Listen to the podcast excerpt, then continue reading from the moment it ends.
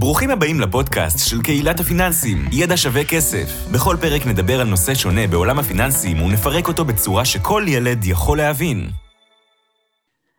אהלן חברים, מה העניינים? ושוב אנחנו בפרק חדש בפודקאסט שלנו, ידע שווה כסף. ולפני שאני אציג את האורח שלנו, אז מי שעדיין לא מכיר אותי, אני שי בדיחי, והאורח שלנו פה, מי שרואה ביוטיוב, הוא עושה קצת שטויות, עוד מעט תכירו אותו. אז אה, אני קודם כל, אני, אני ממש ממש מקנא בכם, כי יש לכם המון המון המון אה, פרקים אחורה, אם הגעתם לפרק הזה פעם ראשונה, ויש לכם עוד המון המון פרקים עם ידע קדימה. אז יאללה, בואו נצלול לעניינים. יובל שוורצמן, מה קורה? שלום שי, איזה כיף להיות פה, מה ניש? הכל מעולה. יובל הוא, הוא חבר ותיק, חבר טוב, אה, וממש כיף, כיף לנו שאנחנו ככה נפגשים במה שנקרא special occasions. אז אה, אני אציג את יובל במשפט שניים ואנחנו נצלול, אה, נדבר על מה אנחנו הולכים לדבר בפרק הקרוב. אז תישארו איתנו. אז יובל הוא קודם כל שחקן תיאטרון בינלאומי, הוא ליצן מקצועי, מי שרואה אותנו ביוטיוב רואה שעושה הרבה שטויות. הוא משקיע בנדל"ן 15 שנה בישראל וגם גם, גם מחוץ לישראל והוא בעלים של חברה כיום כנראה הגדולה בארץ לליווי משקיעים, רכישת דירות להשקעה. החברה שלו והוא ליוו ביחד עד היום מעל 350 משפחות יד ביד, אוקיי? סמארט סטארט. אז אחרי שהתחלנו עם כל זה, יובל, מה נשמע? היי, מה ניש? שי, אני שמח להיות פה מאוד, אני מאוד אוהב אותך, ומאוד כיף לי שאנחנו עושים את זה עכשיו. אני אפילו היום קמתי בבוקר, אמרתי, יש, היום עושים פודקאסט עם שי. כן, כן, האמת שגם אה, דחינו את זה מספר פעמים, אז מה שנקרא הכל לטובה, וזה בטוח יהיה טוב. אז, אז בוא, בוא, בוא, בוא נצלול קצת, אה, נחזור אחורה בזמן, אה, ליובל שהיום בן 38, אבל בוא, בוא, בוא נאמר קצת כמה שנים אחורה. מה, איך התחלת? מה, בוא תספר איך, התח, איך התחלת, הגעת לנדל"ן בכלל, מה לפני, איך, בוא תספר לנו קצת את ההיסטוריה. טוב, אני אה, בתיכון מציעים לי לעשות י"ג י"ד, אני מחליט שכן, אתה יודע, 8200, עניינים, עתודאית, עתודה טכנולוגית, י"ג י"ד, התגייסתי בגיל 20, השתחררתי בגיל 23, הייתי שלוש שנים ב-8200, והדבר העיקרי שהבנתי מהתקופה הזאת, ש... אני לא יודע כל כך אם ההייטק בשבילי, אבל אני אנסה. ואני יודע שבהייטק עושים כסף, לתפיסתי אז זה היה נחשב הרבה כסף. נסעתי, עשיתי איזה שליחות בסאמר קאמפ דרך הסוכנות היהודית, חזרתי לארץ, הלכתי, התחלתי לעבוד בהייטק, וכאילו אני במקום שאני כ... אתה יודע, תלמיד בתיכון, חולם להיות בו, עובד בהייטק, מתלבש יפה לעבודה, עניינים, מסעדות, רכב לבן עם מדבקה, כל, ה... כל החבילת פינוקים המטופשת הזאת. ו...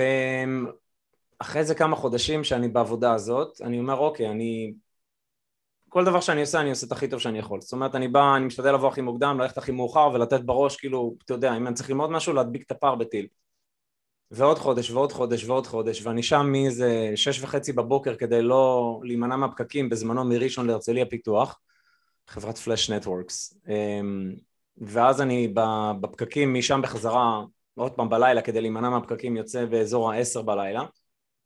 רוב הימים שלי אני מעביר באותה חברה ואני אומר אוקיי יש פה איזה בעיה. קודם כל אני ממש לא אוהב את מה שאני עושה. אני גם מרגיש שאני מעולם לא יכול להיות ממש ממש טוב בזה כי אני לא אוהב את זה. אז אתה יודע אם אתה לא אוהב משהו מאוד קשה להיות בו מדהים. כאילו אם אתה תהיה בינוני פלוס זה יהיה הישג. ואני אומר לעצמי טוב. היום בדיוק היה לי אה, אה, שיחה עם, עם לקוחה שבדיוק בצומת הזאת בצומת של אה, מצד אחד היא הייתה שכירה כל השנים, הייתה כמו שאתה אומר שכירה טובה במה, במה שהיא עשתה, אבל בסופו של דבר הלב אומר משהו אחר ואני אמרתי לה עזבי, עזבי עכשיו כסף, תעשי מה שאת אוהבת, אוקיי? הכסף יגיע אחר כך. אני מאוד מאוד מאמין בזה. נכון, אבל אה, זה, לזה הייתי מוסיף עוד דברים למשוואה הזאת של תעבוד נכון ותיעזר באנשים שיודעים דברים שאתה עוד לא יודע, כי עד שאתה תלמד את זה אתה כבר תהיה בן מאה, ואתה כבר תהיה בגלגול הבא. ואז אתה תהיה כבר איזה, איזה צו מים איפשהו, אז... נגיע, נגיע לדברים האלה גם אם תרצה. אמ, אז ממש ככה, אה, אני זוכר שהתחילו לי כל מיני בעיות בריאותיות, הייתי אז, מה זה, ילדון בן 20 ו... בן 23, עובד בהייטק, פתאום גרד בעיניים, אלרגיות, בעיות גב, שכמות, כאילו דברים שמעולם לא היה לי. מגיל מאוד צעיר אני תמיד עושה ספורט, כדורגל, ספורט, כאילו זה משהו בשגרת יום שלי. ופתאום אני בן 23 ויש לי בעיות בריאותיות. אז uh, הלכתי לרפואה רגילה, וקח כדור כזה, קח כדור כזה. אמרתי, אוקיי, תודה רבה, זה היה בזבוז זמן מוחלט. הלכתי לרפואה אלטרנטיבית, ואני חושב שזה היה במזרח מערב שם, בנמל uh, תל אביב בזמנו, והוא אומר לי, רז, בחור מדהים, והוא אומר לי, הנשמה שלך זועקת ואתה לא מקשיב. ועד שאתה לא תקשיב, הדברים האלה ימשיכו לקרות וזה רק ילך ויחריף. עכשיו אני אומר כאילו, אתה יודע, הוא, באתי לאבחון והוא כאילו בום, בול בפוני מה שנקרא. וזה, אתה יודע, זה ברובד אחד. רובד אחר, אני מעביר את הימים שלי ואני חושב איך אני יוצא מפה כשאני... לא העזתי אז להגיד את זה בקול רם בכלל, שי. איך אני יוצא מפה ואני מגיע, מגיע למצב שאני שחקן, שאני משחק, שאני עושה טלוויזיה, שאני עושה קולנוע, שאני עושה תיאטרון מקצועי. לא בצורה, אתה יודע, לא בקטנה כתחביב, משהו חובבני. שזה המקצוע שלי. עכשיו תבין, עד אז הייתי תמיד הליצן של החבר'ה, אה, מגיל מאוד צעיר, אבל אף פעם לא הייתי על במה, כאילו אפילו בטקס של כיתה י"ב לא השתתפתי, בסוף תיכון. ואני אומר לעצמי, מה אני צריך לעשות כדי שזה יקרה? אז זה ב-level אחד מתבשל לי במוח, מדבר איתך אז 2007. כאילו היום זה נראה אלף שנות תור, אבל זה, זה, זה פשוט מדהים מה אפשרי לאדם ב, בתקופה של חמש, עשר שנים זה בלתי נתפס השינויים שאתה יכול לעשות אה, ובגלל שאנחנו, יש בנו איזה משהו בעיקר בעידן של היום שאנחנו רוצים את הכל מהר, כאן ועכשיו אז אנחנו, טוב, לא הצלחתי אחי, שנייה, כמה זמן אתה מנסה? כמה זמן את מנסה? שנה? שנתיים? מה זה? זה כלום זה, זה, זה פיקסל אחד בתמונה של אה, מיליוני פיקסלים, סבלנות לגמרי אז זה נגיד משהו שכן הבנתי שאני עכשיו יוצא למסע מאוד ארוך והוא יצריך סבלנות אמ, אז במישור אחד כל העניין הזה עם המשחק, במישור השני, איך קיבינימט אני מגיע לסיטואציה שאני מייצר הכנסה שלא תלויה בזה שאני הולך בבוקר בפקקים לעבודה שאני לא אוהב, חוזר בערב בפקקים מהעבודה שאני לא אוהב, הולך לישון, קם, מקלף את עצמי מהמיטה בקושי בבוקר, אמרתי אוקיי אז אולי אני אמצא עבודה שאני יותר אוהב, אולי אני אמצא תפקיד שאני יותר אוהב, אולי אני אעבור חברה,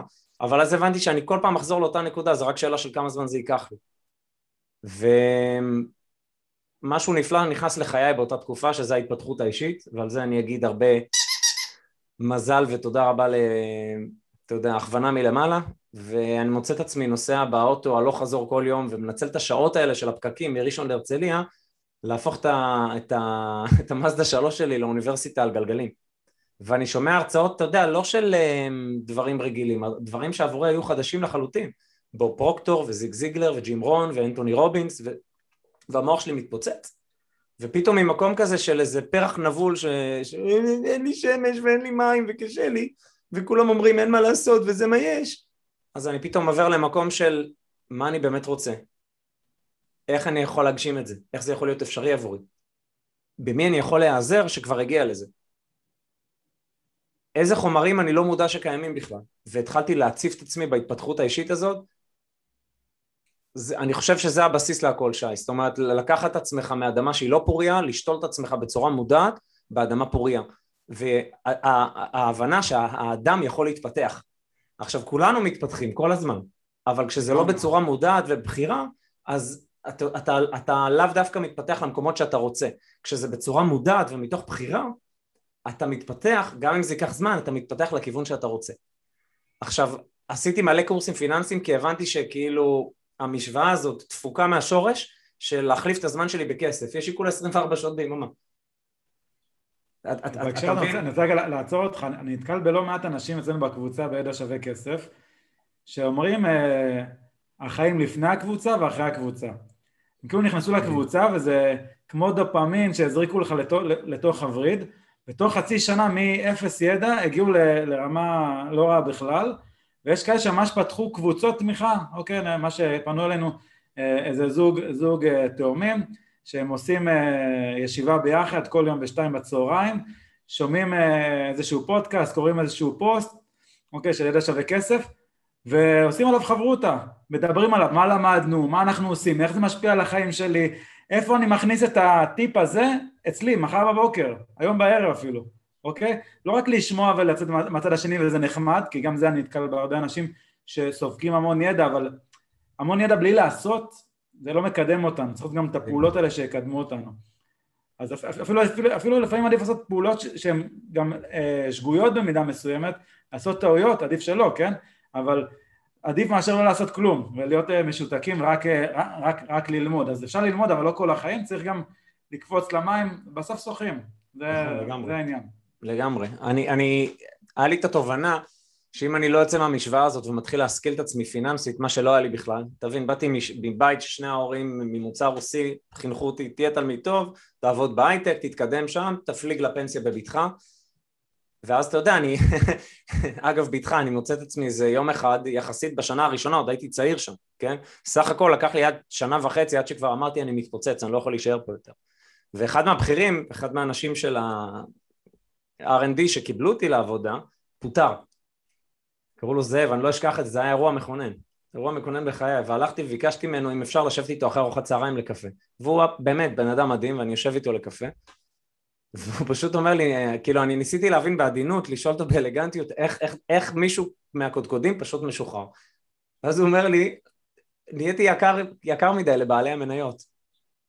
עכשיו אני זוכר שאני יושב שם ואני לא מבין את המשפט הזה ואני מנסה מהר לחשוב כדי לא להישמע כמו מטומטם מולו, מה זה אומר?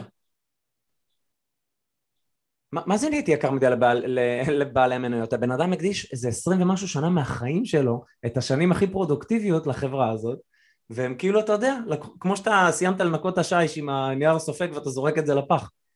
ואני כזה אומר, אוקיי, אתה יודע, הרגשתי, חכה, יש לי פה כל מיני אביזרים ברשותך. היה לי שם איזה זכוכית שנשברה בתוך ה... אתה יודע, בתוך התודעה, שאני אומר, אוקיי, זה לא הדרך. אני חוזר הביתה, אני מספר את הדברים האלה להורים שלי, כן, בסדר, זה קורה, אתה יודע, זה מה יש, אני משתף את זה עם חברים שלי. כאילו, ואני רואה שכולם כמו... כמו חיה שאתה מאלף אותה, אתה, אתה מכיר את הדבר הזה עם הפרושים שהם יכולים לקפוץ לגבהים מטורפים, ברגע שאתה שם מכסה, הם יקבלו מכה בראש כמה פעמים וזהו, תוריד את המכסה, בוא נגיד המכסה שלך היה בגובה של 40 סנטים, לעולם הם לא יקפצו מעל 40 סנטים, ואם כל הצנצנת הזאת היא, אתה יודע, ברדיוס של 40 סנטים, גם ימינה ושמאלה, כי הם קיבלו כמה פעמים מכות, יצרת אצלם הבניה, אגב, אפשר ללמוד על זה המון על המוח האנושי. נגמר הסיפור, עכשיו כל המרווח תנועה שלהם הוא 40 סנטים בתוך ה... אפילו שהזזת את הצנצנת, זה משהו בלתי נתפס. ואז אני אומר לעצמי, זה בדיוק מה ש... אנחנו כבני אדם. ואני אומר, רגע, שנייה, אז אם אני לא רוצה להיות פרוש, מה, מה אני כן רוצה? ואז התחלתי להגיד, אוקיי. תבין, שי, הבאתי את עצמי למצב שהיה מאוד רחוק ממני, וזה רק בזכות ההתפתחות האישית הזאת. אפילו הייתי אומר, מוצרים מאוד ספציפיים של בוב פרוקטור, שפשוט שינו לי את החיים בזמנו, בטח 2006-2007. אני, אני אגב עד שעד עד היום שאנחנו מתכתבים בוואטסאפ אפילו בתדירות יחסית גבוהה עד היום אני אומר לך משהו אז אתה אומר וואי וואי שלח לי שלח לי אני רוצה ללמוד עוד כל הזמן אתה רוצה להתפתח ללמוד עוד לשמוע עוד איזה הרצאה לקרוא עוד איזה פוסט כל הזמן אתה רוצה עוד ועוד לדעת למרות שאתה כבר 15 שנה עושה את זה אוקיי ו- וזה מדהים בעיניי כי תמיד יש הידע הוא אינסופי הניסיון הוא אינסופי וגם התשוקה ל- ללמוד עוד היא אינסופית ברגע שיש לך את התשוקה הזאת לדעת עוד ועוד, זה רק הופך אותך ליותר טוב. ואני קורא לזה הגרסה, תגיע להיות הגרסה הכי טובה של עצמך. נכון. וזה, אין, אין, אין, אין פה בעצם אה, מגבלות. לפעמים אומרים השמיים הגבול, גם השמיים לא הגבול. זאת אומרת, גם, גם אותם אפשר לעבור, ואני לגמרי בגישה הזאת, וזה בעיניי, רק על זה להגיד לך שאפו, תן איזה גלינק פה. תודה רבה. כי, כי זה באמת ככה, כי אין, אין לזה סוף, וזה כיף גדול, כי אתה, אתה יודע, אתה, תחשוב שאתה שותל עץ, והעץ מגיע לאיזושהי נקודה שאומר, זהו, לא בא לי לצמוח יותר, מה הטעם אחי, עזוב, בוא נדליק סיגריה, נאכל איזה ג'אנק פוד, נשתה פחית קולה, עזוב, בוא, בוא נקטר. כאילו אתה, אתה שם איזה, איזה משהו בטבע, הוא יצמח לשיא הפוטנציאל שלו, אבל בני אדם, אנחנו עושים, אנחנו יורים לעצמנו ברגל, פתאום מישהו הכניס לך איזה התניה או איזה אמונה שמקבילה, אתה אפילו לא מודע אליה, ואתה בחצי גיים אובר. אתה יודע, פתאום אני מוצא את עצמי, אני אומר, בואנה, אני אז בן 23, 24, אני אומר, בואנה, כאילו, למה, למה אני לא יכול להגשים את, את, את מה שאני באמת רוצה? נו, אז מה אם הם אומרים שזה מה יש? אז מה, זה אומר שכל החיים שלי צריך להיות בבינוניות הזאת? ותבין, כאילו בצבא, שיא השמחת חיים, הייתי ביחידה מדהימה, אנשים מדהימים, כיף, כיף, כיף, אנרגיה. הלכתי, עשיתי טיול אחרי צבא, התנדבתי במחנות קיץ, כאילו, אתה יודע, אני בא מאנרגיה מטורפת של כל הבלאגן, juggling באוויר, ופתאום מוצא את עצמי כמו איזה פרח בלי שמש, בלי מים, בתוך כלא. וכל הסביבה שלי אומרת לי, זה מה יש. אז אני רוצה להגיד, ואתה כבר, מה שנקרא, ב... עשית את ה-leap of faith שלך, את קפיצת האמונה, אבל אני רוצה להגיד לכם, זה לא מה יש, יש עוד מיליון דברים, ואתם פשוט צריכים להיות מודעים אליהם. ואז התחיל המסע שלי, הייתי אומר, הוא התחיל עוד כשהשתחררתי מהצבא והתחלתי לקרוא ספרים, הייתי מאוד סקרן גם אז, והרבה מאוד ספרים על כסף. אה, ואחד מהם, מה שנקרא, היה, היה לי ב-back of my mind, חזק מאוד, שזה היה בעשירה בעני, שהפך אותי, הפך אותי, אמרתי ריבונו של עולם, איך לא מלמדים את הדברים האלה בתיכון? אני, אתה יודע, הייתי רוצה לסיים תיכון, בום, לרוץ לתוך הדבר הזה. אבל מי ילמד אותך את זה? המורים שלא יודעים? מערכת החינוך שמאלפת אותך להיות uh, 9 to 5, אתה מבין? וכל העולם הערבי זה ככה, לא רק ב- ב- בישראל. או, או ההורים שלי שהם, uh, שאני מאוד אוהב אותם והם לימדו אותי מלא שיעורים מדהימים ועדיין אני לומד מהם הרבה שיעורים מדהימים אבל אתה יודע, כל מה שקיבלתי בבית זה את הסיפור על הדוד של הדוד שהפסיד את אה, איזה 500 אלף שקל בשוק ההון, ומאז אה, כולם אומרים, השקעות זה מסוכן, תתרחק. אה, לא, כי מה שזאב עשה זה לא מסוכן, 25 שנה זה, ואז ביום אחד, כמו איזה סמרטוט רצפה, תודה רבה, אתה יקר לבעלי מניות. מה זה השטויות האלה? זה הרבה יותר מסוכן לא להשקיע, להיות תלוי במקור הכנסה אחד, אז נגיד אם אתה נשוי, אז שני מקורות הכנסה. איפה, זה, זה לחיות בסרט, בעיקר בעידן של היום. למה הפנסיה? בן אדם, אלא אם הוא התחיל לחסוך בגיל מאוד צעיר, בדיוק עשיתי על זה לייב מוקלט עם אה, בר אגב, אה, שבוע שעבר. אם הוא לא מתחיל לחסוך לגיל מאוד צעיר, הפנסיה שלו תהיה עלובה. ובן אדם כל החיים עובד כנראה בעבודה שהוא לא אוהב, ואז הוא מגיע לפנסיה ואומר יאללה עכשיו אני יכול ליהנות בחיים, אה לא. זה, זה, זה, אני, אני מחייך אבל זה, אני בפנים בוכה, זה טרגי. בקיצור שי, אני יוצא למסע פיננסי. אני רוצה להגיד אנקדוטה, אם מישהו אה, עכשיו אה, שומע לראשונה אה, את המושג אבא עשיר אבא אני, קודם כל זכיתם, אתם יודעים למה? כי ממש בקרוב הולך לצאת ספר אה, של אבא עשיר אבא אני במהדורה חדשה עם עוד מאה עמודים בעברית בישראל, אוקיי?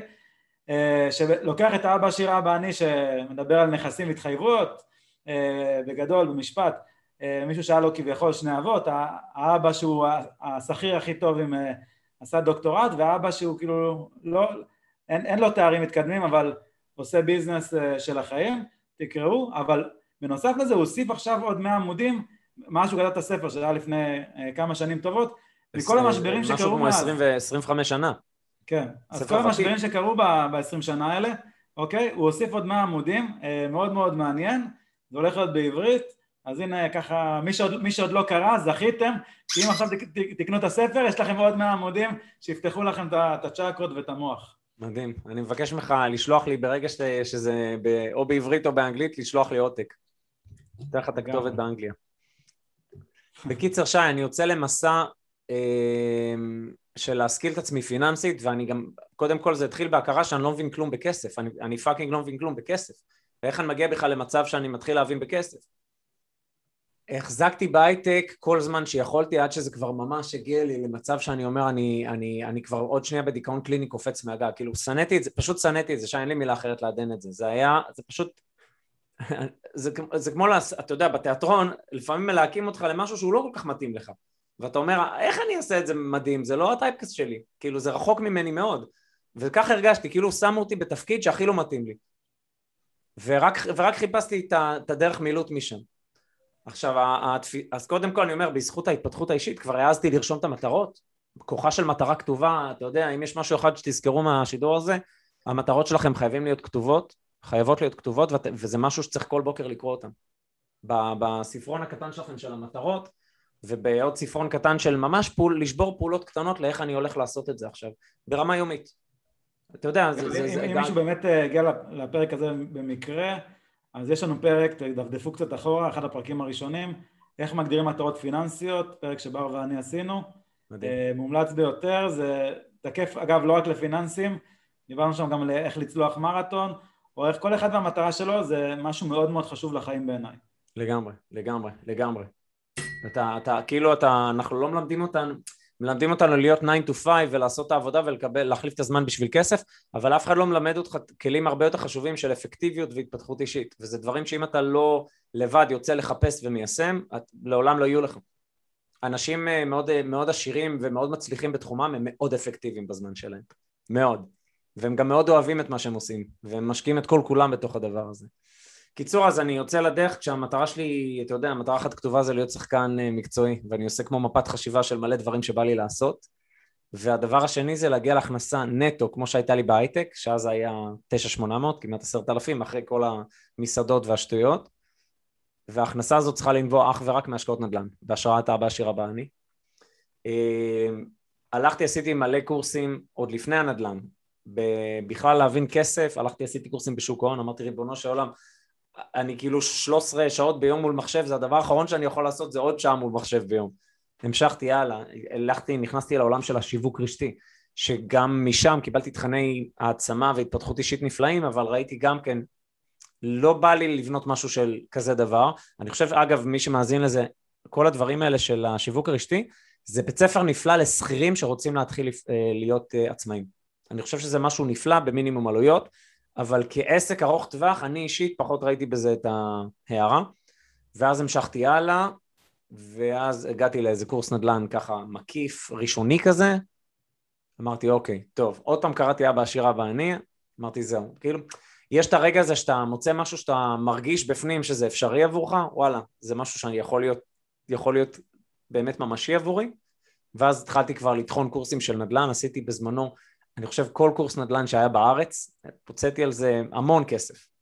עכשיו תבין, הייתי בסיטואציה אז, גרתי עם ההורים, אמ, אחר כך באיזשהו שלב יצאתי מהבית של ההורים, התחלתי לגור עם, אה, אתה יודע, ב- ב- לשכור אה, עם, עם חבר דירה, ואני תוכנן את הקורסים הפיננסיים האלה, וקורא ספרים על כסף ועל השקעות נדל"ן. זאת אומרת, הפכתי את עצמי למקור ידע של השקעות נדל"ן, שכל הזמן אני בתוך זה. כל קורס שעשיתי, זה היה בזמנו במכללה, אני חושב שהיא כבר נכחדה מזמן, שנקרא Cashflow, נראה לי דיברנו עליה פעם.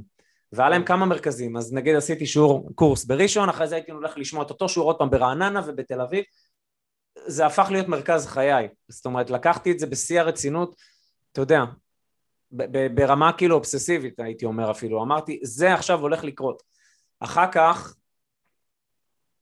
במקביל לדבר הזה התחלתי לעשות קורסי נדל"ן, קורס, אה, לא קורסי נדל"ן, קורסי משחק, קורס למתחילים, ואז אחרי זה מכינה בניסן נתיב, ואמרתי אוקיי עכשיו אני הולך ללמוד שלוש שנים, אבל אני רוצה להגיע לסיטואציה הזאת שיש לי הרבה מאוד נכסי נדל"ן. שני דברים נפלאים קרו לי, באחד מהקורסים האלה פגשתי את מה שנקרא מנטור שטח הראשון שלי, שאלתי אותו מה, מי מה מו, ואז הוא מתחיל לספר לי אה, שהוא בן אדם פשוט עובד רצפות אפוקסי, אתה יודע, הרצפות המבריקות האלה של החניונים, והיום מתעסק גם בנדל"ן, אמרתי מה, מה זה אומר, כמה שנים אתה כבר עושה את זה, אז מה זה, זה היה משהו כמו אז ארבע שנים, הוא ממש היה יחסית בתחילת הדרך, ושאלתי אותו כמה נכסים יש לך, ואני לא זוכר את המספר המדויק שאז היה לו, אבל זה היה משהו שנפלה לי הלסת, כאילו זה היה איזה חמישה עשר נכסים, ואני כזה fuck, הוא רק התחיל. באותו שבוע, אתה יודע, גם שי, אחרי שאתה בסביבה מסוימת שכל הזמן מורידה אותך ואומרת לך שאתה חי בסרט, פתאום להתיישב ליד הבן אדם הזה, כאילו, אתה יודע, רק היה חסר לי שיהיה עליי אור ואני אשמע, או, כאילו ממש הרגשתי, אתה יודע, יד אלוהים. מכל המקומות בכיתה התיישבתי לידו. מכל הקורסים שיכולתי לעשות, בחרתי בקורס הזה. כאילו, אתה יודע, הרגשתי ממש השגחה. באותו שבוע כבר הייתי איתו באחת מהדירות שלו, ככה הגעתי לרמלה. אני מדבר איתך 2008, כבר הייתי ב... הפסקתי לעבוד בהייטק, ואני עובד איתו בשיפוצים כמו יד ימינו. עכשיו, חשבתי שאתה צריך להבין המון בשיפוצים כדי לעשות נדל"ן, זה עוזר אבל זה ממש לא חובה. אתה יודע, אני מדבר איתך על דירות להשקעה בארץ, לא השקעה בקרנות ודברים כאלה, דברים שאתה מאוד אקטיבי.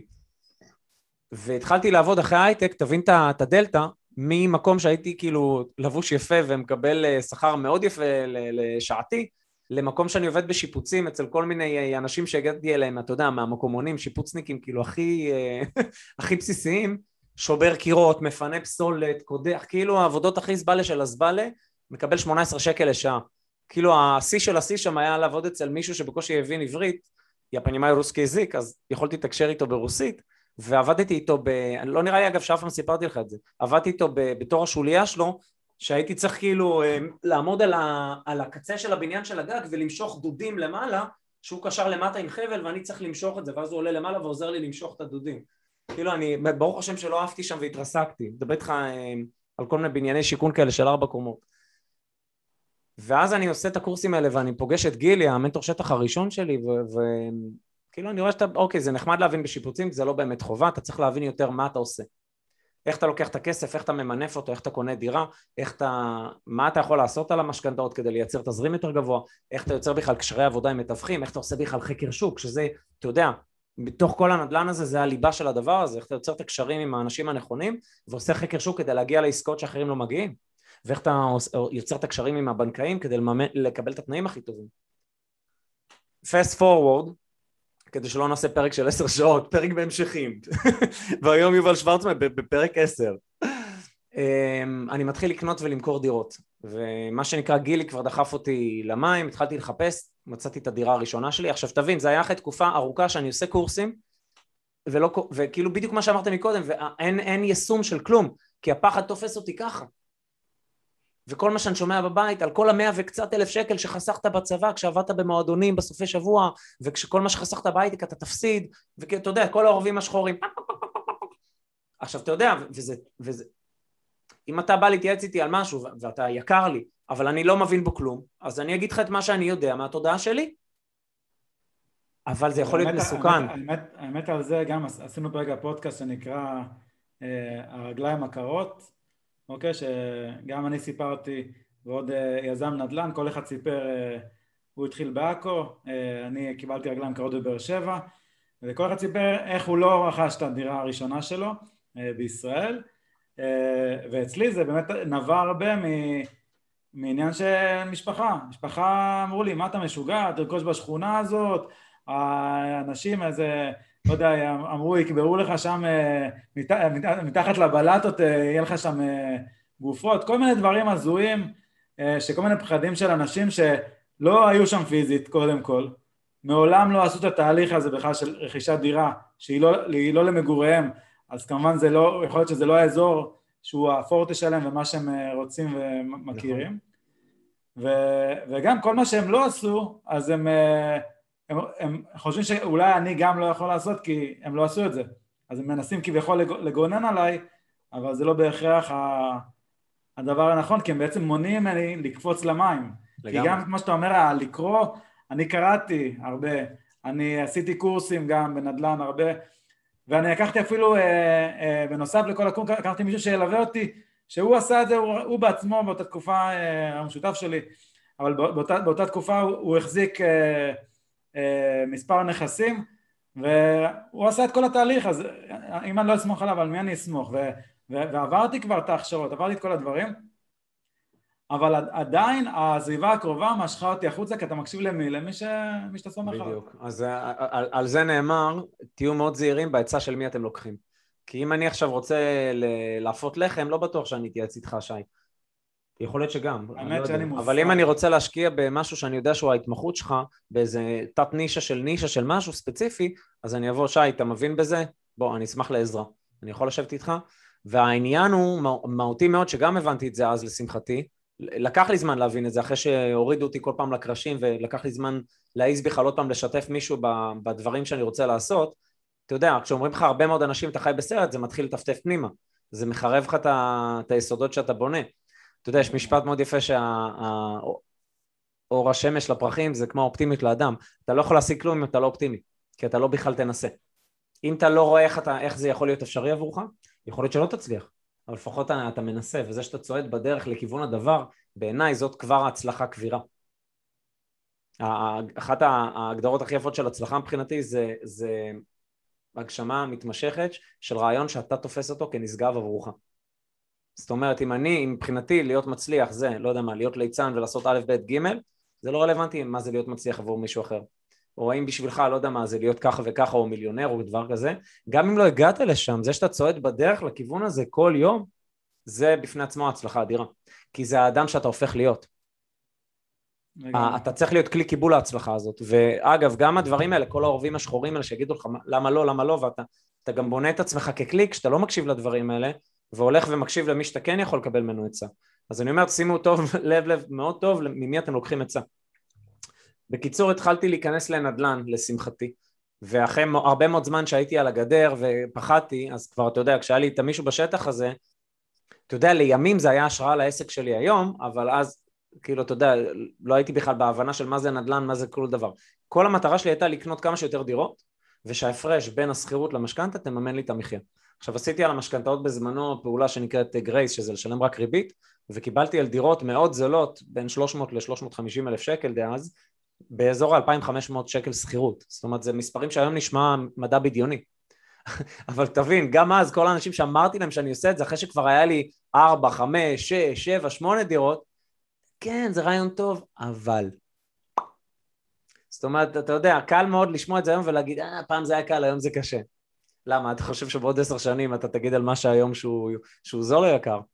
כמובן שבהסתכלות עוד עשר שנים, לתפיסתי לפחות, מה שהיום זה יראה לך פרוטות. בקיצור, שי, הגעתי לסיטואציה שכשהלכתי כבר ללמוד משחק בניסן נתיב, הייתי כבר עם ארבעה נכסים כאלה. למדתי שלוש שנים בצורה אינטנסיבית, full, כאילו ממש full immersion, הייתי בתוך הדבר הזה שלוש שנים מהבוקר עד הלילה, עברתי לירושלים, למדתי שם, ותוך כדי הלימודים המשכתי להתעסק, כל פעם שהייתי מקבל כבר טלפונים ממתווכים ודברים כאלה שהייתי יודע לזכות, הייתי הולך, בודק, מוציא אישור עקרוני מהבנק למשכנתאות, הולך לעורך דין, מוודא שהכל כשר, טק טק טק טק טק, זיכרון דברים, קונה. הגעתי לסיטואציה, אז הנדלן השתולל ברמות, אם אתם חושבים שהיום הוא משתולל, 2021, אז הוא השתולל ברמות, מדבר איתך 2009, 2010, 2011, 2012, יצאה סיטואציה שדירה שקניתי בשנה א' בניסן נתיב, תוך שנתיים דירה שקניתי ב-300 כבר שווה 500, 100 אלף שקל בשנה. מבחינת אחוזים זה בלתי נתפס, גם זה נשמע מדע בדיוני. עכשיו את הדירות האלה שאתה יודע דירה אחת קניתי 300, 200 היו מהבנק, 100 היה הון עצמי, שגם זה 50 באמת בא מהכיס שלי ועוד 50 הלוואה משלימה. ככה התחלתי עם שתי הדירות הראשונות אגב, מה שעכשיו uh, תיארתי. ומשם התגלגלתי. אז לקחתי אחת, מכרתי אותה ברווח, קניתי עוד שתיים. ואז זה המשיך להתגלגל. עכשיו ציינתי את המנטור שטח לי, היה לי גם מנטור מנטלי, שזה הבן אדם שגם, אתה יודע, אתה לא יודע אף פעם את ההשפעות של האנשים שאתה תפגוש ואיך זה יעצב אותך. אני נכנס לקורס נדל"ן הראשון שלי, נכנס בן אדם צנוע, מתוק, עורך דין בהשכלה שלו שבכלל לא מתעסק בזה, עם, אה, עם סנדלים וגרביים, הכי צנוע שבעולם. עכשיו, אתה, אתה רואה שהוא מבין על מה הוא מדבר והבן אדם מיליונר. אז הבן אדם הזה, יוסי, היה אפשר להגיד המנטור ההשראתי שלי, המנטור המנטלי שלי, שכל הזמן אומר לי, אל תוותר, אל תוותר, אל תוותר, תמשיך, אל תוותר. וכאילו ראיתי את הפשטות שלו, ובלי פוזה, ובלי כל הצלצולים והחרטא, ואמרתי, בואנה, אם יום אחד אני אזכה להעביר את זה לאחרים וללמד וללוות, אתה יודע, היום זה כאילו, זה מה שאני עושה, אבל אז היה חלום אלף שנות אור, אמרתי, ככה אני רוצה לעשות את זה. בדיוק ככה, כמו הבן אדם הזה, שזה יהיה הסגנון, ולא כל הפוזה הזאת והמכוניות יוקרה וכל השטויות האלה, שמי באמת צריך את זה, בחייאת. לטעמי לפחות. בקיצור, אני בגיע לסיטואציה, אחר כך לימים חיברתי בין גיל ויוס והם התחילו להתעסק בצורה אינטנסיבית בארצות הברית. ואז המשכתי קנייה מכירה, קנייה מכירה בדיוק באותו הסייקלים, ופשוט ניצלתי את הגל המטורף ש... שהיה באותה תקופה, וכל פעם שמכרתי את הקרן, עוד פעם השקעתי בדירה בארץ, ואת מרכיב הרווח, שזה היה בדרך כלל באזור ה-200 אלף שקל, קניתי single family houses דרכם בארצות הברית. שזה היה 60 אלף דולר, 50 ומשהו אלף דולר, 70 אלף דולר. עכשיו זה היה בלי משכנתאות בארצות הברית, זאת אומרת כל השכירות, פחות ההוצאות, חברות ניהול וכל הזה, זה הכנסה פסיבית נקייה. וכל הנכסים בארץ בגרייסים, שאני ממחזר את הגרייסים האלה כל שנתיים שלוש. To make a long story, to make a long story very short. הגעתי קצת לפני uh, סיום שנה ג' בניסן נתיב להכנסה של 9,800, אפילו טיפה יותר, רק מהנכסים. עכשיו אתה יודע, מישהו ישמע את זה ויגיד, אה, סיפור סנדרלה, זה אחד לאלף, זה אחד לפה, אחד לשם. אוקיי, בסדר. אני אומר לכם עכשיו חבר'ה, מי את ואתה ששומעים את זה, אין פה סיפור סינדרלה, יש פה, סליחה על הביטוי, יש פה סיפור על קריאת תחת ומיקוד. שבגיל 23 אני עובד בעבודה שאני מבין שהיא פשוט, אם אני ממשיך פה אני גמרתי על החיים שלי, ואני אהיה בן אדם מאוד ממורמר ובינוני במה שאני עושה כל חיי, מתוך לשאול את עצמי מה אני כן רוצה. ולעבוד כל יום הכי קשה שאני יכול בשביל להגשים את הדבר הזה, ללכת לכל הקורסים שאני יכול, לקרוא את כל הספרים שאני יכול, למצוא את המנטורים הכי טובים שאני יכול שילוו אותי, לא משנה כמה זה עולה בכלל, זה לא רלוונטי. אני יכול להגיד לך היום בדיעבד, כל קורס כזה, לא יודע מה, על כל שקל שזה עלה לי, זה החזיר את עצמו לפחות פי עשר אם לא פי מאה. סיימתי ניסן נתיב, התחלתי לעזור לחברים מהכיתת משחק לקנות דירות. שלוש שנים הם שומעים אותי טוחן את השכל בטלפונים כאלה בהפסקות. ואז אה, בדיוק היה לנו איזה פרויקט של שנה ג' שנכנס לתיאטרון מקצועי בירושלים, אז יצא התמזל מזלי מאוד, שאיך שסיימתי לימודים של שלוש שנים, התחלתי לעבוד בתיאטרון מקצועי. שזה מבחינתי, דאז היה הדבר הכי, אתה יודע, לא יכולתי לבקש יותר מזה. ואז זה נהיה המשפחה שלי התיאטרון הזה, והתחלתי גם שם לעזור לחבר'ה מהשחקנים לקנות דירות. ואז זה הביא חבר, והוא הביא עוד חבר, והיא הביא את החברה, והוא הביא את הדודה. ואז אני כזה, וואו, אני, אני לא יכול לבד לעזור לכולם, זה מדהים. ותבין, אז אני בעצם עוזר להם לעשות מה שאני עושה לביתי, עם אותם האנשים, עם כל האנשים שלי, מחבר אותם, הולך, מוצא, אומר זה כן, זה לא, פה צריך לעשות ככה, תיקח ככה וחשבון הוצאות, כאילו ממש מראה להם סקופ של, אה, אתה יודע, כמה שנים של ניסיון שזה. עכשיו תבין, עשיתי לביתי מ-2008, רק ב-2013-2014 העזתי בכלל לקחת אחריות ולעשות את זה עבור אחרים. כאילו, אני מדבר איתך, אז כבר היה לי עשרות נכסים בארץ ובעולם באופן פרטי, כאילו, רק אחרי שצברתי קילומטראז' עצום, העזתי לעשות את זה גם עבור אחרים, וזה משהו מהותי בעיניי, כי כשאתם לוקחים מישהו שיעזור לכם, אתם לא רוצים מישהו שיתחיל שנה לפניכם. אתם רוצים מישהו שעושה את זה כבר כל כך הרבה זמן, שמשהו שהוא שכחת עדיין לא למדת. וכאילו, זה גישה גם, אתה יודע, אנשים גם שאני עובד איתם בתחומים אחרים הם כאלה. אני לא מחפש מורה לפסנתר שהתחיל לפני חודש, אני מחפש מורה לפסנתר שמנגן כבר בשינה, מה שנקרא. התחלתי לפתח את העסק ברמה כזאת שבאו אנשים וכבר לא הייתי לבד, אז בניתי system. מה זה אומר system? לקחתי את האנשים הכי טובים שאני עבדתי איתם, שהכי אהבתי גם ברמה האישיותית וגם ברמה הערכית, וכמובן עם המון ידע בנדל"ן, שהם דוגמה אישית, קונים, משפצים, מוכרים, והתחלתי להלביש עליהם את ההכשרות שלי, את כל הידע שלי היה. פלוס כל מסדנאות שכל הזמן אני מכריח את כל הצוות שלי לעבור.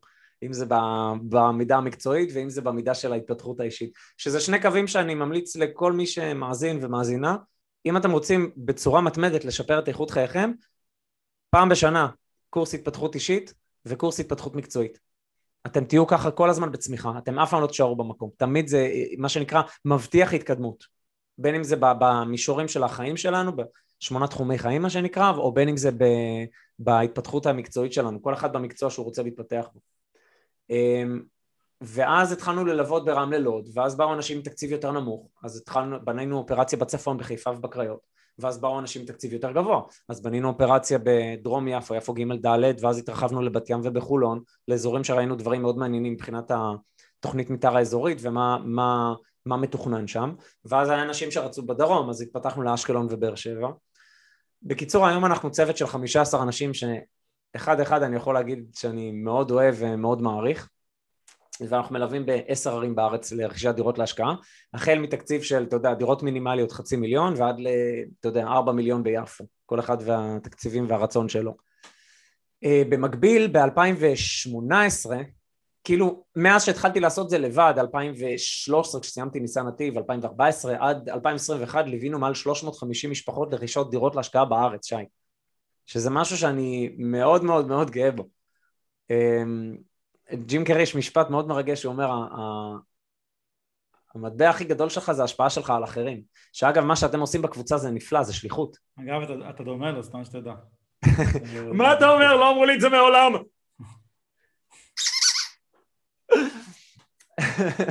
הייתי אמור לשחק בהפקה הישראלית של המסכה, שאחר כך זה לא יסתדר, דרך אגב, בתיאטרון.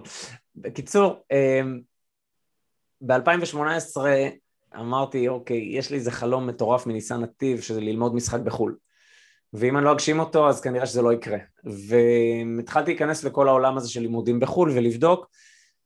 מצאתי את עצמי בקיצור עושה הכנה מאוד אינטנסיבית באותה שנה כדי להתקבל לבית ספר באנגליה שנקרא Guildford School of Acting, GSA, שהוא אחד הבתי ספר הכי טובים בעולם אה, לתוכניות שאני רציתי, שזה במחזות זמר ושזה תוכניות של כאילו אנשים שהם כבר מנוסים ועשו תיאטרון מעין תואר שני, כי זה גם משהו שהוא כזה פרקטי וגם משהו שהוא אקדמי. וזו הייתה שנה מאוד אינטנסיבית של הכנה, אם תרצה ניכנס לזה. בגיל 33 מצאתי את עצמי לומד בלט לראשונה בחיי, כי זה היה חלק מהדברים שהייתי חייב לדעת כדי ללמוד שם, ברמה גם טובה. אתמול לא הבנתי בתמונות אם זה פוטושופ, או שאתה באמת עושה את השפגטים האלה שאני לא ראיתי גברים שעושים דברים כאלה. אז לא, אז לא, תראה, אני, אני לא, זה לא פוטושופ, אני עובד על זה. אה, הגעתי לאנגליה, למדתי פה שנתיים, עשיתי Master of Fine Arts, שזה היה הגשמת חלום מטורף, ואשתי המדהימה, נטלי, זרמה איתי לפה, וסיימתי, וברוך השם הצלחתי להוציא ויזת אמן בינלאומי, International Artist Visa, ובעצם זה מקנה לי ולנטלי ולקטנצ'יק שלנו נווה לב את הזכות להישאר פה ולעבוד פה בצורה חוקית, ואם אנחנו פה איקס שנים אז אנחנו יכולים גם לקבל אזרחות ואת כל החבילה שמתלווה לזה. ובעצם מ-2018, אה, שזה גם הרבה שבירת פרדיגמות שהייתי צריך לעבור עם עצמי, אני מנהל את העסק של הליווי משקיעים מכאן. אה, והיה הרבה אנשים, אתה יודע, שפונים אליי ואומרים, רגע, אבל איך, איך? אני אומר, רגע, אבל גם כשהייתי בארץ וגרתי במושב בית זית, אני לא זה שהייתי מתרוצץ בשטח, בשביל זה בניתי סיסטם. זאת אומרת, יש אנשים שהם הרבה יותר טובים בשטח ממני, שימצאו לך את הדירה. אבל יש מישהו עם הבנה מאוד רחבה שצריך לתפוח את כל הדבר הזה. איך אתה צריך לעשות, מה כן לעשות, מה לא לעשות, איך לממן את זה, לאן בכלל הולכים, להחזיק בדירה שנה, להחזיק בה שלוש שנה, כאילו, אתה יודע, מה, מהסקופ הרחב. אמ, אז רגע, בוא, בוא, בוא נדבר על זה רגע, זה דווקא, דווקא חשוב. זאת אומרת, עכשיו, מישהו עכשיו אה, שומע אותנו, והוא רוצה לרכוש דירה, אוקיי? אה, בין אם זה למגורים או בין אם זה, בין אם זה להשקעה. התהליך הוא אותו תהליך. השוני הוא אולי, אה, בדרך כלל, בדירה למגורים מוצאים יותר כסף, ככה זה. אבל, אבל ברמת מי שרוצה לרכוש דירה, בוא נדבר רגע על ההשקעה, כי בעיניי זה יותר מעניין. אז מי שרוצה לרכוש דירה להשקעה, איך הוא מתחיל? מה, מה הוא עושה? מה, מה, מה השלבים? רגע, לפני זה אני, אני רוצה לציין שאני, לתפיסתי, מי שיוצא לכל העולם הזה של ההשקעות, כמובן, אתה יודע, את האלף בית של חיסכון פנסיוני מגיל כמה שיותר צעיר, וקרן השתלמות, וכל הדברים שאפשר לעשות גם כשכיר, גם כעצמאי, לתפיסתי, ברגע שהגעתם לסכום שהוא מספיק לרכישת דירה בארץ, נגיד דירות הזולות לפחות 150 אלף שקל, ואז אתה לוקח משכנתה על היתרה, זה פשע לא לעשות את זה, זה ההשקעה הכי בטוחה והכי סולידית להגדלת הון עצמי. יש לי אגב ערוץ יוטיוב שאתם מאוד מוזמנים להתחבר אליו, ערוץ מטורף, יש לכם שם מיליון סרטונים רק על השקעות ונדל"ן והתפתחות אישית, שכל המאזינים פה מוזמנים בחום. הדבר הזה של ללכת וקודם כל לרכוש דירה להשקעה, זה אומר שעכשיו אני לא רק מרוויח כסף על אותם 150 אלף שחסכתי או whatever you have, אלא גם אני מרוויח על כל ה-500 אלף. עכשיו אם עשיתי עבודת חקר שוק, שאלת מה זה ללכת לרכוש דירה, זה קודם כל להבין מה, מה אני צריך לעשות. עכשיו לתפיסתי דירה למגורים זה אחת ההשקעות הכי גרועות כלכלית שבן אדם יכול לעשות. כי כל הכסף שלך במקום שיהיה ממונף ותפזר אותו במיליון השקעות, מה אתה עושה? לקחת אותו, קנית איתו בית כדי להגיד זה הבית שלי וישן עליו. זה, זה כמו אתה יודע שיהיה לי עכשיו פה 30 פועלים וכולם ישנו בגינה במקום לעבוד וישנו סיגריה. בשביל מה? תגור בשכירות איפה שאתה רוצה, אתה יודע, אני גרתי ב, ב, בירושלים ואחר כך גרתי במושב בית זית ועכשיו אני גר באנגליה ומי יודע מה יום יביא. ואם נטלי תרצה פתאום לעבור לאיזה מדינה חמה כי היא, היא, היא מטורפת על ים אז אני לא יודע איפה נגור. אז מה, אז לקנות, זה גם אותו דבר כמו הפרושים שדיברתי בתחילת השיחה, מקבעים אותנו למשהו, ממש מאלפים אותנו. בספר ארבע ההסכמות, שהוא ספר מומלץ בחום, הזכרתי מקודם אבא עשיר אבא אני שדיברנו, וארבע הסכמות גם כן, מומלץ בחום. אה, אז הוא מדבר על ממש איך, איך אנחנו בתרבות שמרגע שאנחנו נולדים מאלפים אותנו להתניות מסוימות, זה טוב, זה לא טוב, ככה כן צריך לחשוב, ככה לא צריך לחשוב. אתה יודע, התרבות המערבית זה בכלל, אה, זה אומרים לך איך אתה צריך לאכול, איך אתה צריך להיראות, איזה בית לגור, איזה רכב לנהוג. אז, אז אני אומר קודם כל, ת, תבינו שלקנות דירה למגורים, נכון, רגשית, אין, אין ויכוח. אין פה ויכוח, כל אחד יעשה את מה שמרגיש לו נכון, אבל כלכלית זה פשוט צעד לא נכון. אתה יודע, גרנט קרדון מדבר stay broke. רק בסיטואציה שכבר יש לך כל כך הרבה נכסים וכל כך הרבה הון עצמי, אז אתה רוצה לרכוש דירה, להשק... דירה למגורים, סבבה, יש לך מספיק כסף לעשות את זה. אבל אם אתה עושה את זה בתחילת הדרך, אתה ב game over. אתה כל החיים עד הפנסיה, משלם משכנתה וזהו, מה יש לך את אותו נכס? אז נכון, הוא עלה בערכו, נכון, שחקת משכנתה. אבל למה על בית אחד אפשר לעשות את זה על מאה? ואגב לא רק בארץ אבל אני אומר קודם כל בארץ יש לכם בדירה למי שקונה דירתו היחידה שלושת רבעי מהכסף בא מהבנק הבנק זה שותף נפלא כי הוא לא שותף ברווחים שי לתוך הדוגמה אם אנחנו עכשיו קונים דירה במיליון וקנינו אותה אחרי שעשינו חקר שוק אינטנסיבי ובדקנו 30, 40, 50 דירות ומצאנו מוכר שבאמת לחוץ והוא צריך את הכסף מכל מסיבות. קנינו אותה בין 900 ל-950 בוא נגיד אתה יודע מה 10% מתחת קנינו אותה ב-900 וקצת. ואחרי זה מכרנו אותה שנתיים אחרי זה במיליון וקצת ועשינו פה מאה אלף שקל הבנק לא לוקח לי חלק מהרווח הזה, הרווח הזה כולו הולך אליי. אז אני אומר, בנק זה דבר נפלא, משכנתה זה לא משהו שצריך לפחד ממנו. כן צריך להבין איזה מסלול מתאים לסוג ההשקעה שאני עושה. אני קונה בשביל למכור בעוד שנתיים, אני קונה כדי להחזיק את זה לחמש שנים, עשר שנים, מה המטרה? אני עכשיו צובר הרבה מאוד דירות? יש לנו תוכנית הכשרה למשקיעים שנקראת 100 ימים של נדל"ן, עם שותף נפלא שאני מאוד אוהב בשם גיא מנדלסון. אז קודם כל אנחנו מדברים תמיד בשלב ההתחלתי, מה המטרה? לאן אתם רוצים להגיע? אם אין לי הון עצמי, אז קודם כל בואו נתחיל לעבוד על הון עצמי. ורק אז, רק אז, אולי לא הדגשתי את זה, רק אז אתה מתעסק בקשקושים האלה של לקנות ולמכור. אבל ברגע שיש לך מספיק הון עצמי, אתה כבר לא צריך, אתה, לא, אתה עובר ליגה, אתה רק קונה, מחזיק לטווח ארוך, ואז עם השנים המשכנתאות הולכות ומצטמקות והשווי הולך וגדל. הדלתות האלה זה ה equity שלך. ופתאום אתה יודע, בן אדם מן השורה, לא משנה עצמאי או שכיר, נהיה זה טייקונצ'יק, כי הוא קנה שלושה נכסים והחזיק בהם עשר שנים. אז שאלת איך בן אדם קונה דירה, קודם כל הוא מבין את הכללי משחק. אה, אני אשים פה לינק, מי שירצה שיקרא, את הגרסה הדיגיטלית לספר שלי שראה אור שנה שעברה בדפוס, בשעה טובה, המדריך לנדל"ניסט המתחיל. אני ממש מסביר שם את זה זה, ואני אתן לכם עוד גרסה של הרצאת וידאו שלי שממחישה את הדברים האלה עוד יותר לעומק, למי שיותר קל לו ללמוד כשהוא צופה בוידאו, עם כמוני. אמ, הרעיון זה להבין בכלל כמה כסף יש לי. זאת אומרת, נגיד יש לי שקל, מהבנק אני יכול לקחת שלושה שקלים, ואם זה לא דירתי היחידה, נגיד שזו דירה נוספת, אז אני יכול לקחת פחות, זאת אומרת, או 70 אחוז או 50 אחוז, יש כל מיני משחקים שאפשר לעשות. אז אני בכלל להבין מה יכולת הרכישה שלי. בהתאם לזה, השלב הבא לבחור אזור. איפה אני בארץ, איפה הכי קרוב אליי גיאוגרפית, יש אזורים שאני יכול לקנות בהם דירה. בסדר? זאת אומרת, לאו דווקא אתה צריך לנסוע דרומה או צפונה, אם יש לך תקציב לדברים יותר איכותיים שהם לידך. שלב אחרי זה, זה או שאתה הולך לעשות קורס נדל"ן ולבד לומד ומטמיע, וכולם מוזמנים ואני חושב שזה ידע נפלא לכל אדם, או לחילופין אם אתה לא עושה קורס נדל"ן והולך ומטמיע כי זה מצריך זמן ואנרגיה ומלא מלא מלא מלא מלא שעות טיסה שאתה בעצם צובר על בשרך אז לקחת מישהו מנוסה שילווה אותך באותו אזור ושיעזור לך למצוא את הדירה ואת כל מה שצריך. אבל הרעיון פה מאוד פשוט. למצוא עסקה טובה. עכשיו סתם לא יודע מה הציפור הזאת.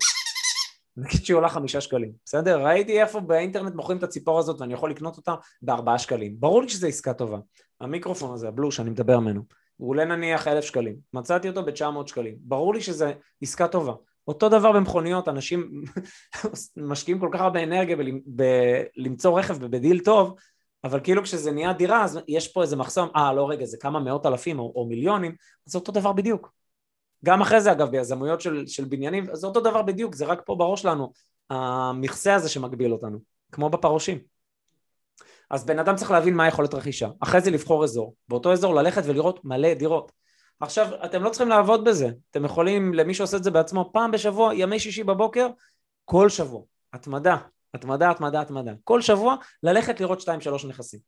עוד שניים שלושה, עוד שניים שלושה, עוד שניים שלושה, עוד שניים שלושה, פתאום תוך שלושה חודשים ראיתי שם כבר עשרות נכסים, אז אני אומר אוקיי, מחיר שני חדרים פה הוא בממוצע ככה וככה, מחיר שלושה חדרים הוא ככה וככה, פתאום אתה אומר בואנה זה לא כזה מדע אטום, זה אפילו, סליחה שאני אומר את זה, אתה, אתה, אפילו מטומטמים יכולים לעשות את זה ולהצליח. כאילו, אתה יודע, זה ממש לא מדע אטום.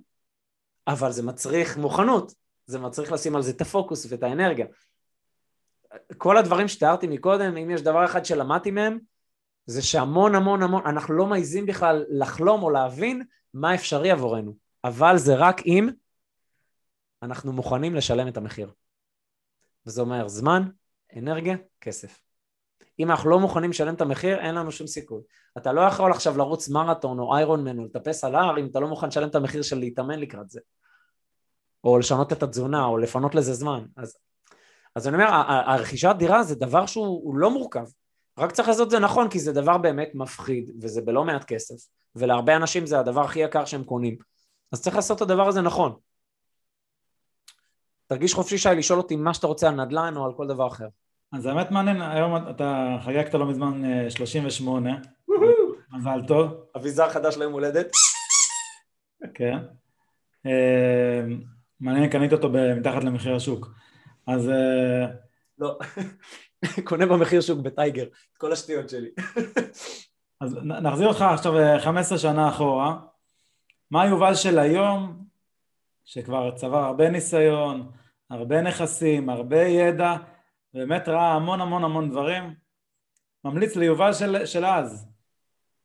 מה, מה היית יכול לעשות אולי, אולי טיפה שונה, אולי uh, טיפה אחרת, אולי, אולי לא גם, אולי גם uh, הכל בסדר.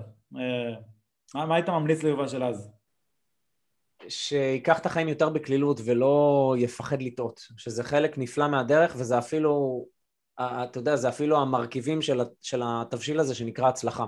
זה לא ילך חלק, לקח לי זמן להבין את זה, אתה יודע, נתקלתי באיזה משפט שמאוד עזר לי לעכל את הדברים האלה, אמ, שאם אתה צופה שהכל יהיה חלק, או שאתה ממש טיפש או שאתה ממש אופטימי. כי הצלחה היא לא נראית ככה, זה יותר... אה, זה לא גרף ישר, זה הרבה סינוסים של עליות ומורדות, ולא לקחת את עצמך ברצינות מדי, אגב, זה מבחינתי משמעות האף האדום, שאני, אתה יודע, המיתוג שלי בארץ עם ה... זה לא לקחת את עצמך ברצינות מדי מצד אחד. כי אתה תעשה טעויות וזה בסדר ולא משנה כמה אתה תרצה לא לעשות אתה תעשה וזה אחלה. כי זה חלק מהדרך. אבל מצד שני קח את המטרות שלך מאוד ברצינות. ותבין שהן אפשריות עבורך מה שדיברנו מקודם. אז בוא נגיד הדבר הזה כי אתה יודע בדירה הראשונה להשקעה כולם אמרו לי מה מה מה מה מה אתה תפסיד כל הכסף וזה וזה וזה וזה וזה. מה קרה? קיבלתי סוחרת שעבדה כמה, את זה אני חושב שסיפרתי לך פעם, שהיא עבדה כמכינת קפה אצל, אה, כאילו ברספשן באיזה דירה ברמלה של מישהי שקוראת בקפה, קלפים וקפה. כאילו מצאתי את עצמי, מכניס את הבן אדם, מיליון נורות אזהרה, הכי לא נכון לדירה הראשונה שלי להשקעה. כאילו איפה שלא התייעצתי טעיתי. אתה יודע, הכל עשיתי נכון, קניתי דירה טובה, מחיר טוב, מימון טוב, שיפוץ טוב, הכל היה פיקס, רק בהשכרה אמרתי, אה, אני כבר יודע, סחבק מבין. הכנסתי את האישה הזאת ואת הבן שלה, כאילו, אתה יודע, כל נורת אזהרה אפשרית, אגב, במדריך אני מסביר בדיוק איזה דברים לוודא שיש לסוחרים, כדי להימנע מזה. היום, אתה יודע, אנחנו כבר אחרי מאות עסקאות, אז אני יכול להגיד, אחד מכל 200 יש לנו איזה משהו שאנחנו צריכים לפתור מבחינת השכרה, אבל כמעט 100% אה, חלק אפס תקלות, כי עובדים לפי שיטה מסודרת. יש צ'קים, יש ערבים, יש אני יכול לראות עובר ושב, יש לי תלושי שכר, אני רוצה לדבר עם בעל הבית הקודם, כאילו זה יכול להיות מאוד מאוד מאוד פשוט, אם אתה עושה דברים וזה, אבל כשאתה לא יודע, אתה יודע, בדיקה פשוטה בגוגל הייתי יכול לראות שהיא בפינות המדירות אחרות, אפילו את זה לא ידעתי לעשות. עד היום היא משלמת לי אה, שקל בחודש או משהו דרך הוצאה לפועל, אני מדבר איתך 15 שנה. לקח לי חצי שנה לפנות אותה מהדירה, שי. חצי שנה ששילמתי תשלומי גרייס לבנק באותו זמן, כאילו את המשכנתה, וכל מה שאני שומע, אמרנו לך, אמרנו לך, אתה יודע, כאילו המשפחה שלי פתחה שמפניה, זה היה כזה, וואו, צדקנו, זה מסוכן ואסור היה לו לעשות את זה, אהה. עכשיו, אתה מבין, אני כבר הייתי כל כך טבול בתוך ההתפתחות האישית, שאמרתי, בואנה, סבבה, זה כאבי גדילה. אני כנראה צריך לעבור את זה כדי ללמוד. היום אני יכול להגיד לך שזה היה משהו מדהים, הצלקות האלה, כי בזכות זה חסכתי את הדבר הזה למאות אנשים אחרים. אתה אף פעם לא יודע, הדברים שאתה חווה, איפה זה, למה זה לטובתך. ואתה תמיד יכול רק לחבר את הנקודות בדיעבד, אתה אף פעם לא יודע. ו... אבל המשכתי, לא ויתרתי, ופה העניין. זה לא כמה חזק אתה מסוגל לעשות דברים, או אתה יודע, יש ברוקי את המשפט המהמם, המהמם הזה, שהוא אומר לבן שלו, זה לא כמה חזק אתה יכול להכות, זה כמה חזק אתה יכול לחטוף ולקום.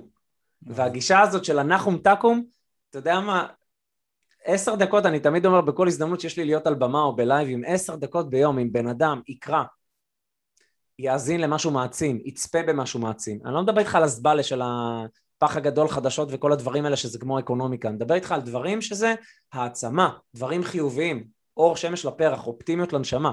בן אדם עשר דקות ביום יקדיש להטמיע את עצמו בדבר הזה, אתה מתחיל לראות מציאות אחרת. תחשוב אתה שעל על, על איפה שאתה היום לעומת איפה שהיית לפני חמש שנים, עשר שנים, אלף שנות אור, אלף שנות אור, אתה צריך כאילו משקפת כדי לראות איפה אתה. ואני אומר, הדבר הזה, בגלל שכבר הייתי כל כך עמוק בהתפתחות האישית, אמרתי, הבנתי, יש פה שיעור, למדתי אותו, כואב, שיעור כואב, לא ויתרתי. עכשיו תראה, דירה שנייה, שלישית, רביעית, הכל כבר רץ חלק. אחרי שאני עושה את זה כבר כמה שנים, פתאום ההורים באים, אולי תעשה את זה גם לאחיך, אולי תעשה את זה גם לאחותך, פתאום גיסי בא, ואני גם רוצה לעשות. שלחתי אותו למלא קורסים, שלחתי אותו לקרוא ספרים, הוא עשה את כל השיעורי בית, קנה דירות להשקעה, כל הדירות האלה. בקיצור, הדבר הנפלא זה כשאתה צומח, אפילו עם כל הסביבה שלך, לא, לא, לא, לא, תיזהר, תיזהר, כי הם אוהבים אותך, אבל עדיין הם לא יודעים. שים לב לאיזה עצה של מי אתה לוקח. אפילו אם כל הסביבה שלך היא אוי אוי אוי אוי, אבל אם הם רואים שפתאום אתה מצליח עוד שנה ועוד שנה ועוד שנה, אתה כאילו מצליח גם להשפיע עליהם לטובה, אתה, אתה מאיר את זה גם עבורם. אז אתה יודע, אז להורים שלי יש דירות להשקעה, ולאחים שלי יש דירות להשקעה, ולכל מי שבמשפחה שלי שביקש עזרה יש דירות להשקעה, ועזרתי עד היום למאות אנשים. עכשיו אני אומר, זה מדהים שהבאתי את עצמי למקום הזה של החופש כלכלי בגיל כזה צעיר. אתה יודע, בהתחלה אתה מתחיל בלייצר תזרים, כדי אה, לא להיות תלוי, אחר כך אתה כבר משחק משחק אחר לגמרי של לבנות אה, זה, יאללה, מיליון ראשון, החמש מיליון הראשונים, עשר מיליון, אתה כבר במשחקים אחרים, שחופש כלכלי פתאום נראה לך, אתה יודע, גנון. כמובן שכל דבר זה לפי המדרגות שזה מצריך, ואתה יודע, ואז אתה כבר בונה עסקים שזה משחק אחר. אבל העניין הזה של להיות מסוגל לעזור לאחרים, תשמע, עם כל הכבוד, אז אתה עושה יותר כסף, פחות כסף. כסף כאילו can get you so far מבחינת סיפוק. אז יאללה, עוד איזה בגד, עוד איזה בית, עוד איזה שופוני, זה מלא דברים שלא באמת צריך, זה חרטא. זה חרטא שהתרבות מאלפת אותנו שצריך, אבל זה חרטא ברטא. הדברים הכי חשובים בחיים שלך זה המערכות יחסים שלך עם עצמך, עם האנשים שיקרים לך, עם האישה שלך, עם הילדים שלך, עם המשפחה שלך, עם הקהילה שלך, עם החברים שלך, זה הדברים שבאמת משנים, זה מה שהופך אותך למאושר או לא למאושר. האנשים שאתה עובד איתם ביום יום, שאתה, יש לך אור בעיניים כשאתה רואה אותם, ולא... אותי לגמרי, זה אחד הדברים באמת שאנחנו מקבלים כמעט כל יום על בסיס קבוע, אה, גם, גם, גם בפרטי, גם בוובינרים שאנחנו עושים בלייב, גם בהרצאות, בכל מקום, גם בעמוד, זה, זה התגובות האלה, התגובה שוואי, שמעתי את הפודקאסט שלך ושינה את החשיבה, או, או, או וואי, לקחתי את הטיפ הזה ויישמתי אותו. זה מדהים, זה שליחות. או יש, יש לכם לפני הקבוצה ואחרי הקבוצה, כל מיני דברים כאלה, שזה בסוף מה, ש, מה, מה שעושה את, את הסיפוק. אתה קם בבוקר, אתה אומר, וואי, אני משפיע על אנשים. אני, אני סליחה על הביטוי, fucking יכול לעזור לאנשים לשנות את החיים שלהם. אנשים שהיו במקום מסוים, נכון. באיזה משפט שאמרת ו, ושינה. זה כמו שנגיד, נכון. אנחנו קוראים המון המון ספרים, אבל בסופו של דבר, גם אם אני קורא ספר שלם, אם היה משפט אחד שלקחתי מהספר והצלחתי ליישם, שימו לב, אני מדבר ליישם בחיים האישיים שלי, מבחינתי הספר מעולה. אה, הוא גרם לי ליישם... תן לי לתת לך גונג. אז היישום הזה, אה, מספיק משפט אחד, היה שווה לי לקרוא את כל הספר. כי לרוב בינינו, רוב הספרים, יש שם המון, המון אה, דיבורים, דיבורים, אבל בסוף יש משהו אחד שאני לוקח ממנו. וזה שיפר אותי, אני תמיד קורא לזה שי פלוס פלוס, תמיד אני לקחתי את זה מהתכנות. אז כל פעם, אני, כל יום אני שי פלוס פלוס, עוד, התקדמתי בעוד עוד, uh, צעד קדימה. לגמרי. זה... כאילו מצד אחד זה, זה, זה, אנחנו מדברים על הדברים האלה שלמישהו מסוים או מישהי זה יישמע obvious, ומצד שני לבן אדם אחר זה יכול להישמע מאוד רחוק, אז אני רוצה להגיד לך או לך שאתם שומעים את זה וזה נשמע לכם קשקוש בלבוש, כרגע הציניות שלכם מונעת מכם לפתוח את הלב. ואם אתם תפתחו את הלב, ואני לא אומר לאף אחד עכשיו לרוץ ולהוציא כסף והשקעות וקורסים, כלום, תפתחו את הלב, תרשו לעצמכם להאמין שהרבה יותר ממה שאתם חושבים אפשרי עבורכם. היית אומר לי לפני 15 שנה, שי, שאני אהיה שחקן תיאטרון בינלאומי, אני אהיה ליצן, אני אעשה תיאטרון בארץ, הייתי בארץ, השתתפתי יותר מעשר הצגות מקצועיות, אה, עשיתי סדרות, עשיתי מלא פרסומות, השתתפתי בכמה סרטים קצרים, עשיתי כאילו, אתה יודע, דברים שאני מאוד גאה בהם, שמאוד גם יקרים לליבי, כי זה היה פרויקטים מאוד ספציפיים שרציתי לקחת בהם חלק. והיית אומר לי שאני אשחק בצורה מקצועית באנגליה, באנגלית, with my British accent or with my American one, כאילו, אני הייתי אומר לך שאתה חי בסרט, אבל אתה, אתם בכלל לא יודעים מה אפשרי עבורכם אם אתם תצאו לדרך. האמת שאתה חי בסרט, אתה, אתה משחק אותו. אבל אתה מבין שאני לא, אין בי שום דבר, כאילו, אתה יודע, זה לא שאני איזה יחיד סגולה, אין בי שום דבר מיוחד, אתה יודע, תמיד הייתי, בינוני זה ההגדרה, בסדר? אף פעם לא הייתי בין התלמידים המצטיינים, אף, כאילו, אתה יודע. הייתי בכיתה ו' בנבחרת קפיצה לגובה, זה הדבר היחיד שאני יכול להגיד שהייתי באיזה משהו יוצא דופן, זהו. לא, וזה לא העניין הזה, זה לא איך אתה נראה, וזה לא איפה אתה נולד, וזה לא כמה כסף יש לך, וההורים שלך, כל הדברים האלה משפיעים, זה העולם הראשון שלנו, כמובן שזה משפיע. ולפעמים אנחנו משקיעים הרבה זמן, אני, אני בתחילת הדרך הייתי צריך לנקות את הראש שלי, כל ההתחלה שלי, יוסי אמר לי, עד שאתה לא מנקה את המנטור המנטלי שלי, את השטויות מהראש שלך, שאנשים עשירים הם כאלה והם כאלה והם כאלה, אם אתה לא מחליף את זה מאנשים עשירים, זה אנשים שמביאים מלא ערך לעולם, חרוצים, אפקטיביים, שאוהבים את החיים והם, אתה יודע, נותנים בראש, אתה לעולם לא תרצה להיות עשיר. כי כשאתה מחזיק בראש שלך, בן אדם עשיר הוא כנראה, לא יודע מה, גנב, רוצח, שודד, פושע, וכל מיני שטויות כאלה, bastards, אז אתה לא תרצה להיות bastard, אתה רוצה להיות בן אדם טוב. אתה יודע, אנחנו קמים בבוקר, אנחנו לא יודעים כמה שנים יש לנו, והחיים נורא נורא נורא קצרים. יכול להגיד לך, אני כאילו לפני רגע השתחררתי, אני בום, אני בן 38, אני כזה, מה? 15 שנה? מה? what? הם נורא קצרים, אז אתה רוצה לעשות כמה שיותר טוב, אבל כאילו.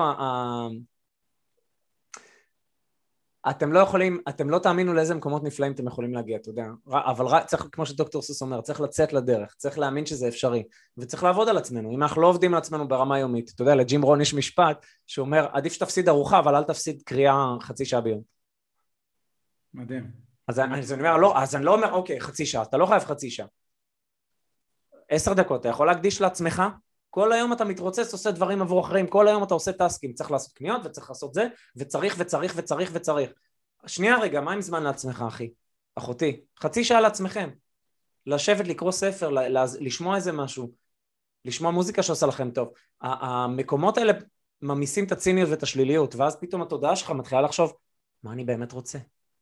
מה אני צריך לעשות כדי שזה יהיה אפשרי עבורי? וגם אם לא תגשימו את זה, גם אם, אתה יודע, כיוונו ל... לאיזה כוכב והגענו רק לירח, אני אומר סבבה, אבל הגעת לירח, תראה איפה היית ואיפה אתה היום, וזה שאתה בכלל צועד בדרך בצורה אקטיבית, זה, זאת הצלחה בפני עצמה. ו- ו- והדבר, אתה יודע, פועל נגזר מזה, היית אומר לי שיהיה לי חברה, שאני אעזור למאות אנשים לקנות דירות ולעשות השקעות, מה, איפה אני ואיפה זה? כאילו אתה לא יודע בכלל כמה מה שאתה תעשה ישפיע על העולם גם, שזה הרבה יותר, עם כל הכבוד להגשמה העצמית של עצמנו, זה הדבר. אלברט איינשטיין יש משפט מדהים, אגב הוא לא כזה מפורסם, שהוא אומר הדבר הכי ראוי לעשות זה לחיות חיים למען טובת הכלל. אגב אלברט איינשטיין שהוא הלוגו שלכם של ידע. כן. שהוא יהודי יקר מאוד, יש לו מלא משפטים גאונים. אה, יש לו עוד משפט שאני מאוד אוהב של האם העולם הוא מקום ידידותי? איזה משפט מטורף, כי אם אתה אומר לא וכולם רמאים ומנסים לדפוק אותי ולגנוב אותי, אז אתה כל היום חי כמו איזה גרגמל. אבל אם אתה בא ואתה אומר העולם הוא מקום ידידותי, אבל זה תלוי בהשקפה שלי, ואתה יודע, בדברים שאני עושה, אתה חי בעולם אחר לגמרי. אתה במגרש משחקים אחר, אתה לא באיזה בוץ רטוב, אתה בחול נפלא. אתה, אתה בקופסת חול אחרת. לגמרי. האמת, האמת היום היה לי שיחה עם, אה, עם אה, מישהו שהוא מאוד מאוד טוב בעבודה שלו, מאוד מאוד טוב במה שהוא עושה, הוא מתעסק בפיתוח עסקי, אבל בפיננסים לבית פתאום הוא לא, הוא משתתק. אמרתי אם תיקח את היכולות שאתה עושה, בוא נגיד פה שמות של החברות, אבל עושה איפה שאתה עושה במקום העבודה ותיקח את היכולות האלה ותלביש אותן על עצמך, אתה לא יודע אפילו לאן אתה יכול להגיע, אתה לא מבין אפילו לאן אתה יכול להגיע וזה משהו שאני הולך, הולך לעבוד איתו, שייקח את כל היכולות שהוא צבר כל השנים, פשוט יעבוד, יעבוד על החברה הפרטית שלו, שזה התא המשפחתי שלו. מדהים. אז אה, טוב, אנחנו, האמת שאנחנו עשינו פרק מאוד מאוד ארוך, אנחנו בדרך כלל עושים פרקים הרבה יותר קצרים. אה, עברנו את ה-20 דקות? אני אעצור אותך בשצף של הדברים, אה, יש לנו עוד המון המון מה להגיד, ואנחנו נעשה פרק אפילו נוסף. אז מי ששמע עד עכשיו, אז קודם כל אה, תודה לכם שהאזנתם, גם, גם, גם אם כיסינו לכם גם את ההלוך וגם את החזור בנסיעה מהעבודה. ובנוסף, כמו שאמרנו, יהיה פה שתי מתנות שאנחנו נשים פה בלינקים למטה. אה, גם אה, מי שרוצה לקרוא איך מתחילים, כל הטיפים, המדריך לאנליסט המתחיל של יובל שוורצמן, ומי שרוצה אה, לשמוע את זה יותר במדריך של וידאו, אז גם את זה תקבלו, חינם לגמרי, נשים את זה פה למטה. ויובל, המון המון תודה, שמחתי כמו תמיד. אנחנו בטוח נעשה עוד, עוד פרק אולי קצת שונה, ונתראה בפרקים הבאים. אז תודה רבה לכם. Bye. Bye.